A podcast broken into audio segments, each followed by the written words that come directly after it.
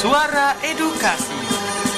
Frekuensi 1440 AM.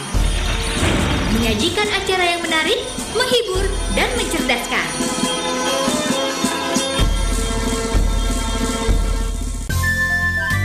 Waktu berputar dan perjalanan peristiwa pun berjalan.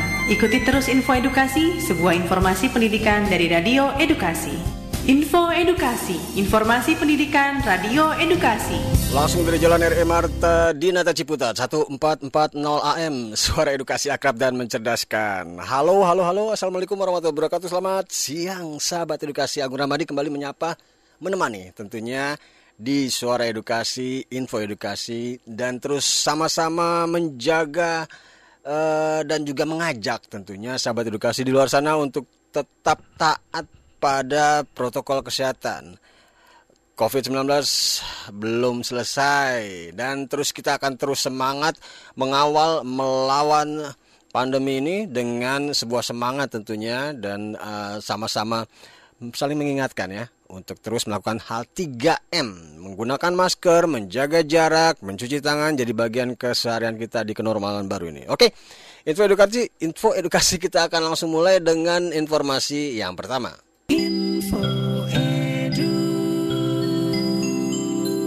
Informasi pertama, Mendikbud mendorong peran aktif guru perempuan tentunya dalam menggaungkan kesetaraan gender.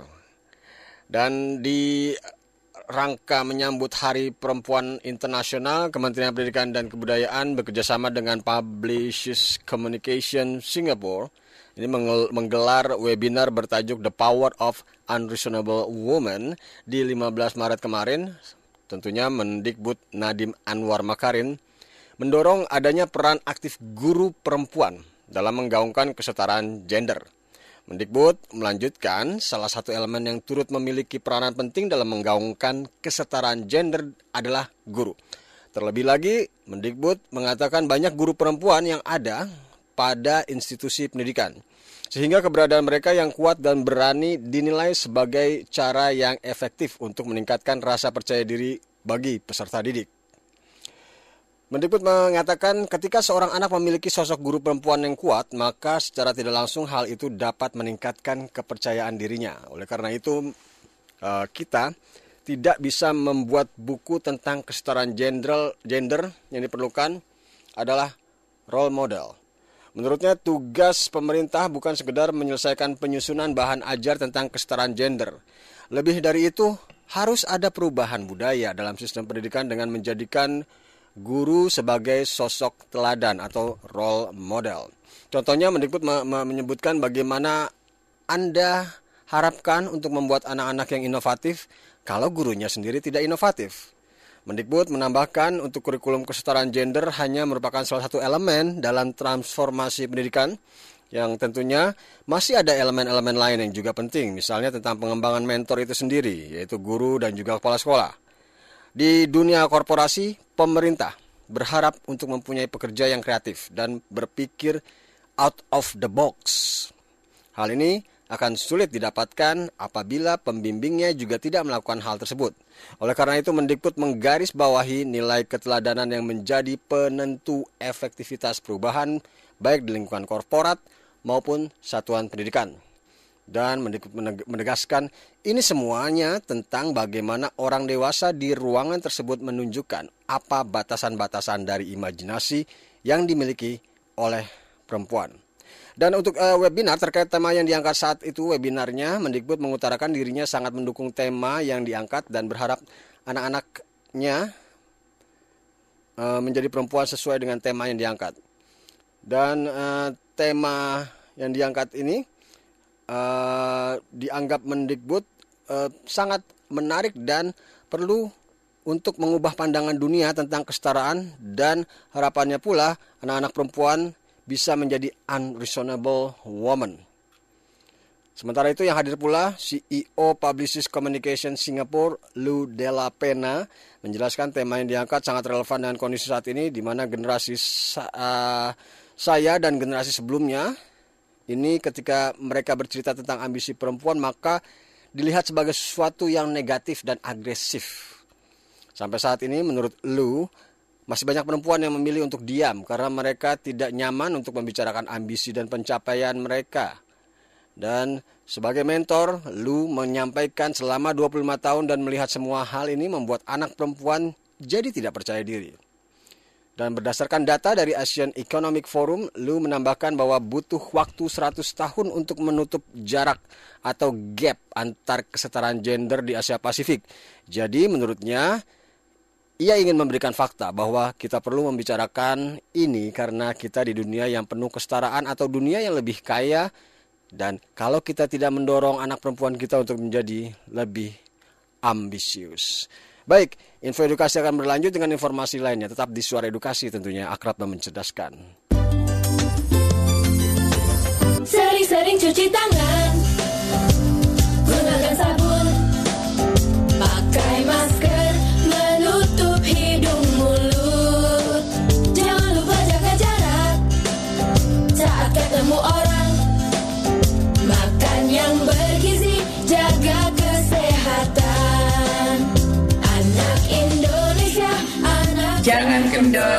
jaga kesehatan.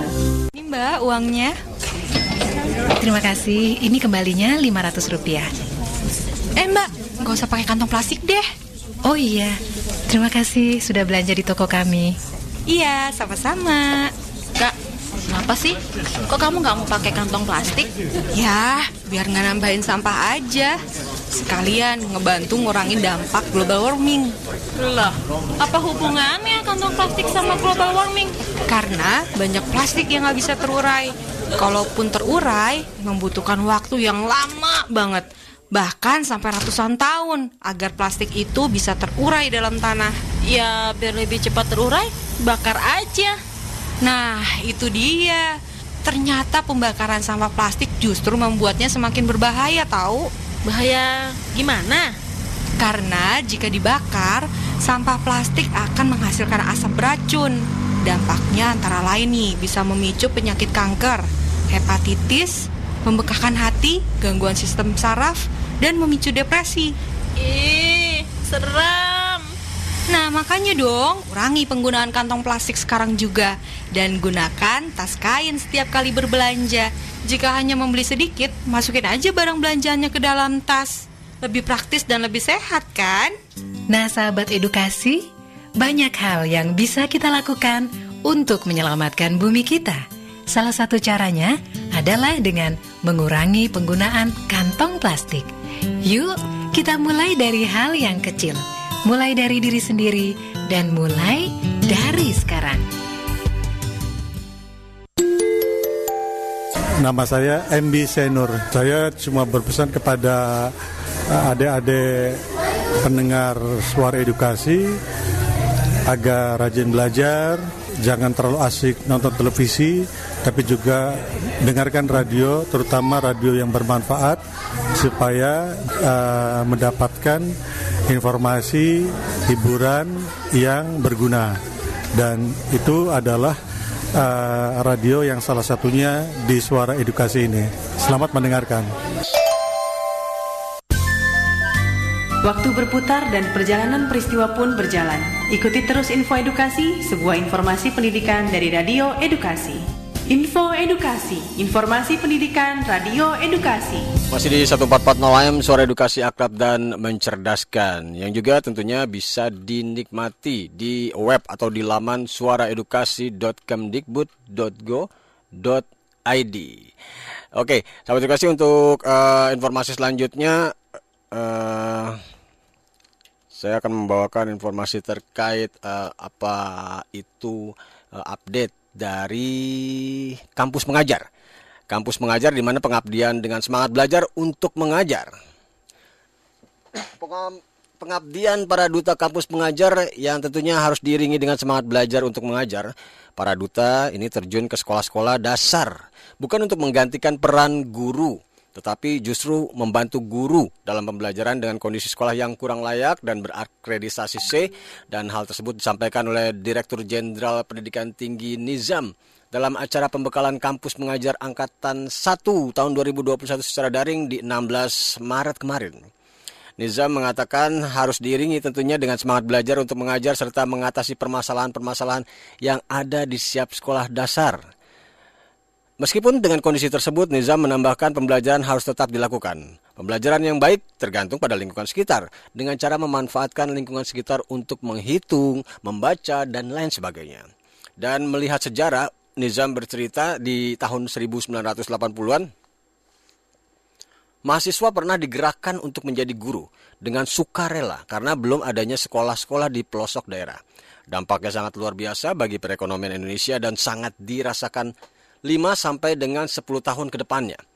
Hingga sekarang kita bisa merasakan itu semua dan harapannya di program kampus mengajar ini juga dapat memajukan perekonomian dan pendidikan. Dengan adanya tentunya pandemi COVID-19 ini, pembelajaran yang dijalankan pada saat ini menjadi sedikit berbeda dengan pembelajaran sebelumnya.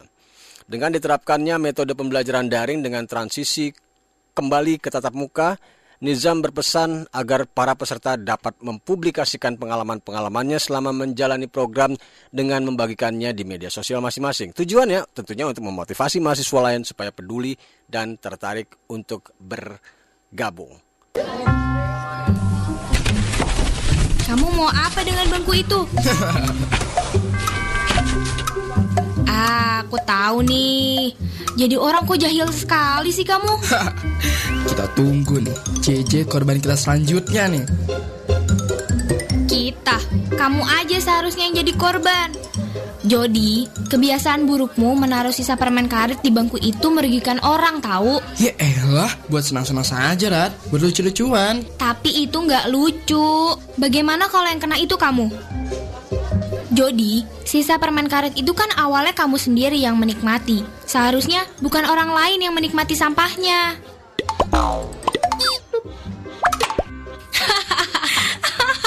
nah, tahu kan rasanya permen karet meletup menutupi mulutmu sendiri? Jody, Jody, sampahmu itu bukan sampahku.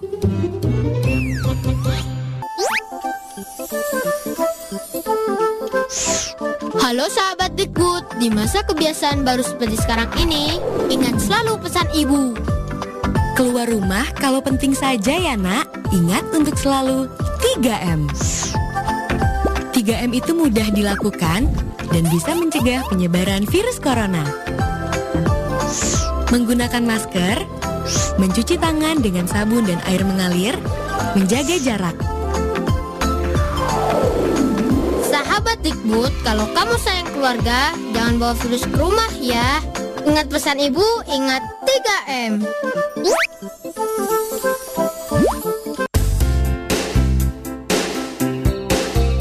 Satu empat M, suara edukasi yang akrab dan mencerdaskan. Waktu berputar dan perjalanan peristiwa pun berjalan. Ikuti terus info edukasi, sebuah informasi pendidikan dari Radio Edukasi. Info Edukasi, informasi pendidikan Radio Edukasi.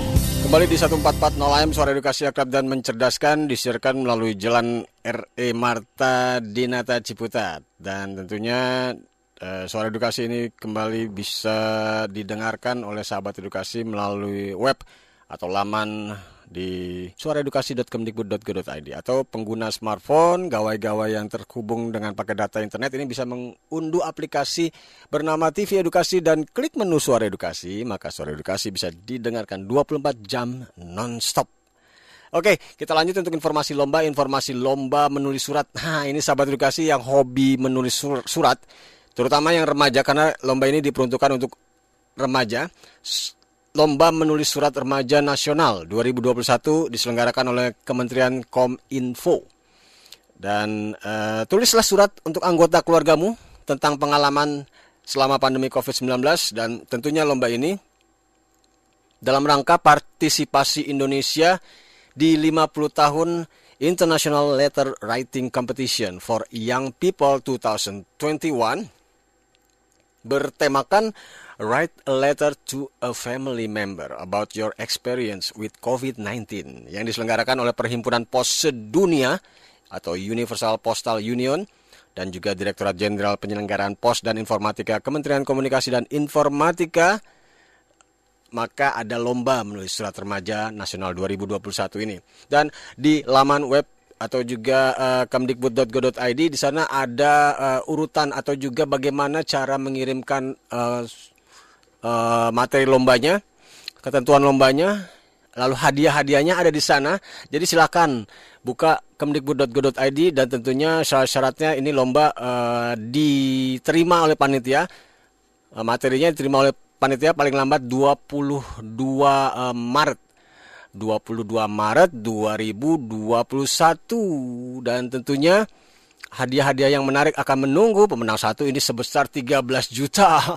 ini keren sekali 13 juta rupiah dan tentunya pemenang kedua 11 juta, pemenang ketiga 9 juta, pemenang harapan satu dan sampai tiga 1 juta rupiah. Ayo buka deh web kemdikbud.go.id.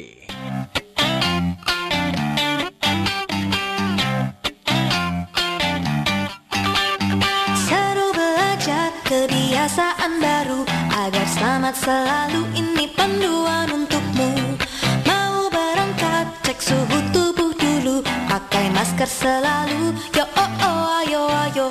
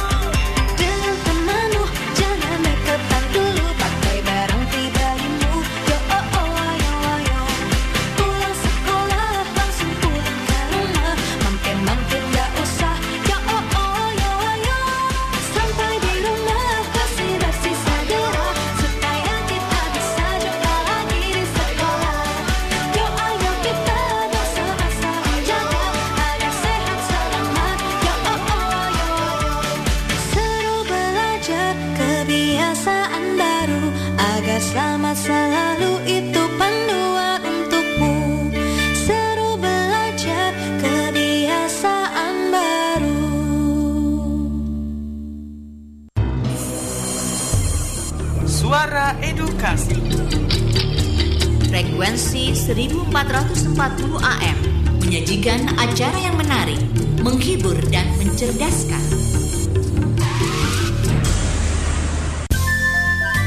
Waktu berputar dan perjalanan peristiwa pun berjalan. Ikuti terus info edukasi, sebuah informasi pendidikan dari Radio Edukasi. Info Edukasi, informasi pendidikan Radio Edukasi. Langsung dari Jalan RE Marta Dinata Ciputat, Gedung Graha Media Pusdatin Kemendikbud, Agung Ramadit masih mengawal info edukasi hari ini dan tentunya eh, akan menutup eh, perjumpaan di info edukasi hari ini dengan satu informasi dan juga satu narasumber yang keren kece. ini kawan lama yang sangat dirindui dikangeni ada eh, Kepala Galeri Nasional ada Pak Pustanto. Halo apa kabar? Assalamualaikum Pak Pustanto. Waalaikumsalam Mas Agung dan sahabat edukasi di mana pun berada. Piye piye Sehat kabarnya? ya, Mas, ya, Sehat, ya? alhamdulillah. Sehat-sehat juga Pak Pustanto, teman-teman di Galeri Nasional. Siap, Alhamdulillah. Oke. Kita insya Allah sehat Mas. Oke, Pak Pustanto, kemarin eh, aku sempat ikut eh, jalan-jalan atau tur virtual di apa terkait Galeri Nasional. Pak Pustanto. Jelas ya. Iya betul. Siap. Eh, terkait tur virtual, ya inilah saya eh, Inyong kangen. Inyong sangat kangen. Inyong sangat kangen dengan Galeri Nasional dengan apa karya-karya maestronya dan juga hal-hal eh, seni rupa lainnya. Namun sebelum kita ngebahas kangen-kangenan nih Pak Pus, ada nggak update-update dari Galnas eh, jelang kan kita sudah mulai vaksinasi nih Pak Pus. Sudah mulai vaksinasi, kemudian Betul. persiapan eh, tatap muka sudah eh, disiapkan tiga bulan ke depan, namun tetap eh, Ya. tetap kita sama-sama jaga protokol kesehatannya. Kalau dari Galnas sendiri seperti apa? Terutama mungkin eh, eh, seperti apa? Ada ada pembukaan kembali eh, pameran atau seperti apa Pak Pus? Silakan informasinya. Ya, terima kasih Mas Agung. Aduh, sahabat edukasi semua yang saya hormati. Eh, tentunya saya pertama mengucapkan syukur Alhamdulillah kita dalam keadaan sehat semua dan tentunya saya banyak berharap kepada sahabat edukasi juga sehat dan tentunya radio suara edukasi ini yang yang saya harapkan bersama timnya selalu sehat juga. Galnas kebetulan dalam rangka menyambut perkembangan apa yang terjadi eh, di pandemi COVID ini ya beberapa langkah sudah kita lakukan. Alhamdulillah dari sisi SDM Mas Agung, SDM kami eh, kemarin sudah ikut vaksin. Ini tinggal vaksin kedua tanggal 23 24 lah itu. Eh, Mudah-mudahan sana teman-teman eh, setelah divaksin dalam kondisi ya apa ya eh, antibodinya terbentuk, kemudian sehat tentunya. Nah, kalau sehat jasmani, harapan kami, kami juga eh, teman-teman bisa semangat eh, melayani eh, sahabat Galnas tentunya. Dan kalau kita sehat semua, bisa mengapresiasi apa yang ada di Galeri Nasional eh, Indonesia. Dan kebetulan di saat-saat seperti ini kan tetap kita ya waspada, jaga apa pun ya maka kita terapkan 3M itu pasti minimal, kemudian syukur-syukur bisa 5M dan lain sebagainya. Eh, terkait eh, kondisi ruangan, karya area dan lain sebagainya, eh, sekarang sudah finishing mas. Mudah-mudahan nanti pada saatnya ya, ya saya, kami sih pinginnya eh, awal bulan itu kita sudah sudah sedikit menuju normal ya, menuju normal kita uh, buka kemudian dengan protokol yang kita lakukan. Dan mudah-mudahan tim kami tim edukasi juga siap. Dan yang lebih penting lagi tentunya para apa ya para kreator para seniman yang akan berpameran Pameran. ini kan dia udah gregetan ini ya mas ya Betul, betul Eh, sekali. Kapan ya saya bisa nampilin karya-karya di Galeri Nasional? Kalau kemarin hanya melalui daring gitu ya, ada beberapa. Betul. Mudah-mudahan sebentar lagi kalau kondisinya membaik seiring dengan eh, anak-anak kita yang apa ya akan akan tatap muka SD, SMP dan berikutnya kemudian eh, kawan-kawan kami calon-calon apresiator, calon-calon pengunjung Galeri Nasional juga sudah sehat. Ayo kita bareng-bareng yuk eh, main ke Galnas. Betul. Kita rupanya eh, perlu ini, perlu kangen-kangenan ini kita wujudkan benar di Galnas. Itu Mas dari eh, kondisi yang terjadi di Galeri Nasional. Nggih, Pak Pak Pus, aku bicara tentang eh, karya-karya yang ada di eh, koleksinya Galeri Nasional Indonesia. Ini selama pandemi tentunya ruang ruang-ruang pameran terutama ruang pameran tetap ini tentunya pasti dijaga terus ya. Nah, ada ada ini enggak? Ada namanya kayak apa sih dapurnya atau rotasinya adakah atau seperti apa Pak untuk untuk untuk eh, apa Galeri Nasional mer- me- merawat eh, selama pandemi kosong ini seperti apa?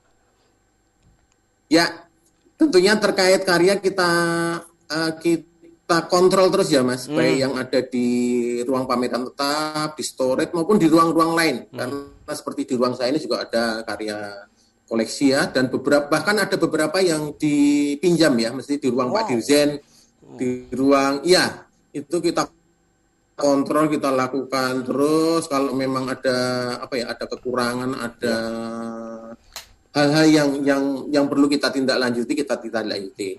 Nah terkait rotasi yang terjadi di pameran tetap memang kita tidak banyak kita lakukan ya mas, mengingat yang itu aja belum banyak dinikmati kawan-kawan kita. Bagaimana menikmatinya Jadi kita justru ya? fokusnya itu. Nah, ya paling makanya kita kemarin mengadakan tour virtual itu dalam dalam langkah apa ya? Kalau bahasa kita satu sisi pemanasan, gitu ya.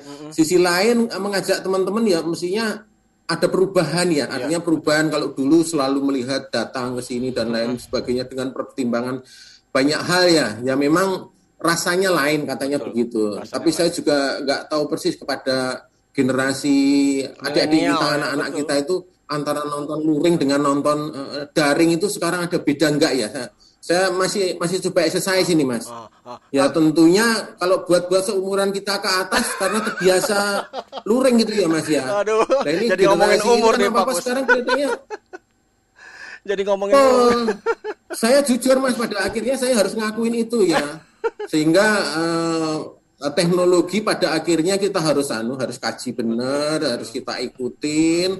Termasuk ya perkembangan itu tadi zaman ya. Zaman. zaman yang tidak bisa. Heeh.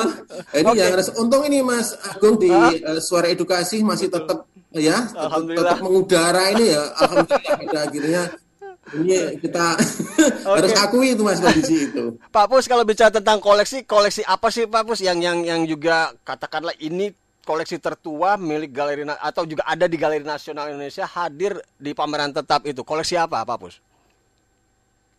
Ya kalau em, ini sedang sedang kita proses ya. Yang kalau tertua kan tentu Raden Saleh ya. Raden Saleh Yang ya. judulnya kalau di situ, situ Ba- Ba- Badai itu itu kan dibuat tahun eh, 1840 mas. 1840. Waduh. 18 eh, 1840 itu yang yang tertua. Ada generasi berikutnya itu ada karya-karya era Persagi, Ah. Sujoyono, kemudian Avandi itu ada ada sekitar eh, 1940-an sebelum Indonesia merdeka. Yang paling Itu tua sudah- tadi ya berarti ya Raden. Saleh judulnya Badai. Bad- Badai ya sekarang badai. a- ada perubahan mas ada perubahan setelah kita melakukan kajian itu kapal kapal apa ya kapal karam atau kapal tenggelam Iya aku Karena lihat gambarnya. kajian Betul. kenapa mas Aku melihat gambarnya ini eh, sebuah suasana di laut ya. Ada kapalnya juga. Iya betul Wow. betul betul betul betul jadi itu kapal itu dilukis ketika eh, Raden Saleh masih di sana ya Ah. masih di sana tapi dia ingat ingat perjalanan dia dari Indonesia ke mana ke Belanda dulu Mhm. di tengah badai lautan gitu ya terombang ambing meskipun ini juga juga masih dalam riset kami mas Iya, jadi iya. ada ada yang menggambarkan ini seolah-olah rakyat Indonesia ketika dijajah Indonesia itu benar-benar terombang ambing mm, Badai ingin begitu ya. segera sampai ke satu pulau Wow. bayang kita eh, sudah bisa harapan oh ini kemerdekaan sudah di depan mata kita bersama-sama ini Jadi Mhm. Walaupun ini ada banyak- ada ombak gitu ya, ada ombak yang yang di depannya gitu ya. betul, Betul, betul.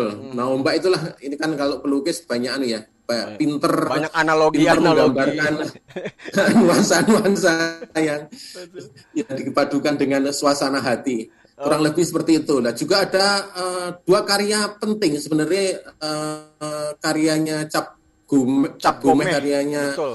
Sujoyono itu Sujoyono. termasuk salah satu karya yang dulu diperintahkan oleh eh, Pak Karno. Jadi Pak Karno itu memerintahkan ketika eh, galeri kesenian atau Oh. museum kesenian waktu itu akan akan didirikan. Jadi Mhm.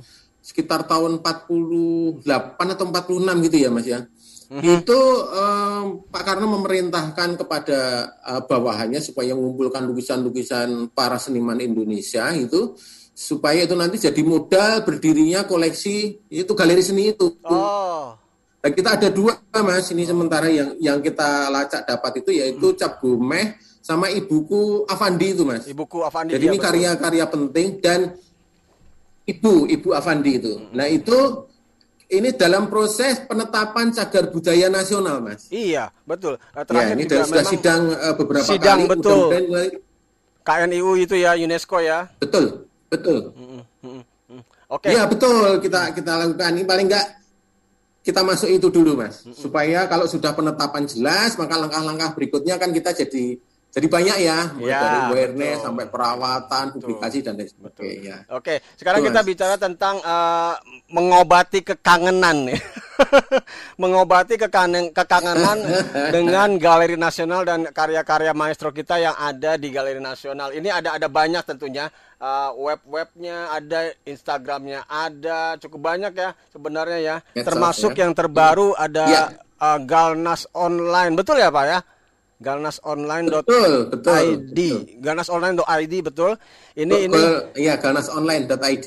ada pameran-pameran juga secara daring di sana. Ini antusiasnya seperti apa, Pak? Di Galnas Online. Kalau dari traffic gitu ya, eh, peng- pengunjung seperti apa? Ya, al- alhamdulillah ya, mes- meskipun kita dalam proses semua Dan kalau kita mau mau jujur karena teman-teman ya tentunya pada kangen kangen uh, luring ya. Luring. Tapi se- setelah ada media Galnas online ini cukup terobati mas. Mhm. Meskipun uh, kami Ngawi ini masih dalam proses maintain uh, dan lain sebagainya ya, karena Ya. kita kan juga harus ada evaluasi.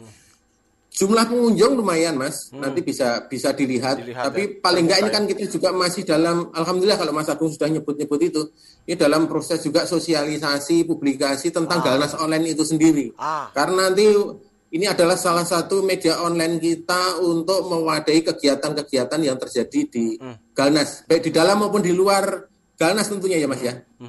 Dan, Itu Mas. Dan harapannya kalau kalau saya pribadi semoga juga uh, tur virtual seperti kemarin bisa terrealisasi dalam dalam bentuk uh, kapan pun kita bisa datang ke sana secara virtual itu ya Pak Pus ya. Betul. Oke. Betul. Termasuk kegiatan yang sifatnya temporer ya Mas. ya? Temporer betul. Kalau kemarin kan baru pameran tetap ya. Pameran tetapnya Jadi betul. nanti kalau pameran betul, kalau pameran temporer itu terjadi luring, itu kita akan eh, hibrid ya. Hibrid, Jadi satu betul. sisi luring, satu sisi, ah, ah. jadi eh, penonton yang dari luar negeri yang nggak sempat itu bisa bisa melalui Betul. Galnas online itu tentu. Betul. Oke, Itu yang penting itu mas. Oh. Maka ide-ide kreatif dari teman-teman termasuk dari Mas Agung, ayo kalau ini jadi apa ya? Tapi kalau jadi milik kalau- kita bersama kan harus kita kita rawat ini mas. Iya, tapi kalau kalau dari bocoran saya dari generasi-generasi milenial uh, uh, secara virtual uh, banyak banyak yang juga sangat senang loh Pak Pur. Apa artinya ini ini Iya. ini bisa sangat-sangat mem- membantu menjawab dan juga mereka bisa merasakan itu. Sebagai contoh mungkin uh, sudah maraknya e-game apa game-game online atau sport-sport online e- e-sport ini ini ini waduh bukan main. Karena Kemdikbud pun juga sampai uh, juga mendukung kegiatan e-sport e-sport ini tentunya. Iya. Oke. Ada satu kekurangannya mas. Ya. Jadi kalau dulu anak-anak kita itu kan senengnya uh, selfie ya, Selfie. kemudian dimain di Instagram.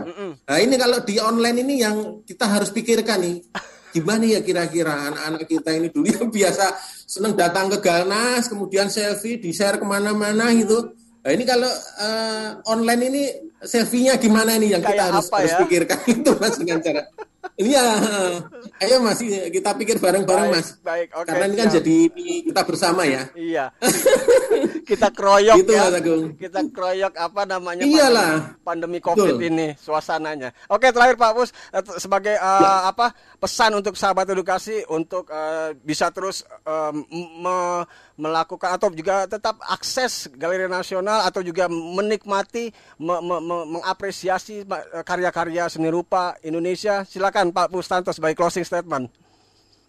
Ya, terima kasih Mas Agung, sahabat edukasi yang saya cintai tentunya dan saya banggakan ya. Pandemi itu kan ya memang tidak boleh kita tolak. Kalau menurut saya kita jalanin aja. Yang penting satu kita ikut prosedur itu ya. Kedua kita jaga eh, kondisi kesehatan. Dan yang lebih penting di saat kita ditekan tekan saat pandemi ini maka kreativitas kita harus muncul. Jadi ide-ide itu harus banyak harus kita berani tuangkan apa pun bentuknya, baik dengan media apa namanya media digital atau media apa pun itu harus kita munculkan. Sehingga kita tetap akan eh, semangat dan mengisi saat-saat pandemi ini dengan dengan apa ya dengan aktivitas yang produktif, aktivitas yang positif. Dan saya berharap terakhir tentunya selalu sehat, penuh semangat apa seperti yang saya sampaikan lagi dan jangan lupa ikutin kata ibu yang 3M itu. Makasih Mas Agung. Sama-sama Pak Pustanto, eh, Kepala Galeri Nasional Indonesia dan tentunya eh, kekangenan ini akan terus eh, sebelum ketemu Pak, saya masih terus akan Siap, siap. akan- Kami akan tunggu ide-ide kreatif dari sahabat desu- edukasi ya Mas ya. Oke, apalagi kita eh, kangen main bulu tangkis langsung nih Pak. Kami tunggu kalau kalau ini tetap main nih tiap Selasa dan Jumat Mas. Oke, kayak lagi sukses terus Pak Pustanto untuk teman-teman di Galeri Nasional Indonesia siap. dan juga jangan jangan bosan untuk mengabdi untuk untuk dunia seni rupa terutama. Wassalamualaikum warahmatullahi wabarakatuh. Selamat Amin. siang.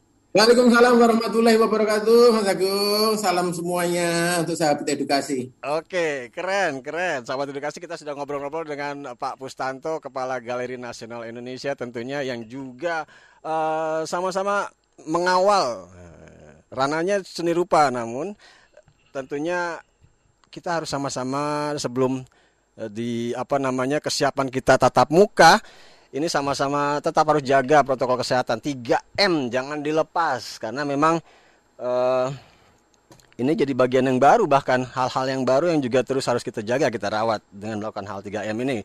Protokol kesehatan hidup sehat terutama dan bahagia tentunya. Oke Nantikan terus update-update terkini dari dunia pendidikan dan kebudayaan. Aku Ramadi pamit dan setelah ini ada program lain yang juga menarik untuk tetap disimak, untuk tetap didengarkan hanya di suara edukasi akrab dan mencerdaskan. Wassalamualaikum warahmatullahi wabarakatuh. Bye-bye.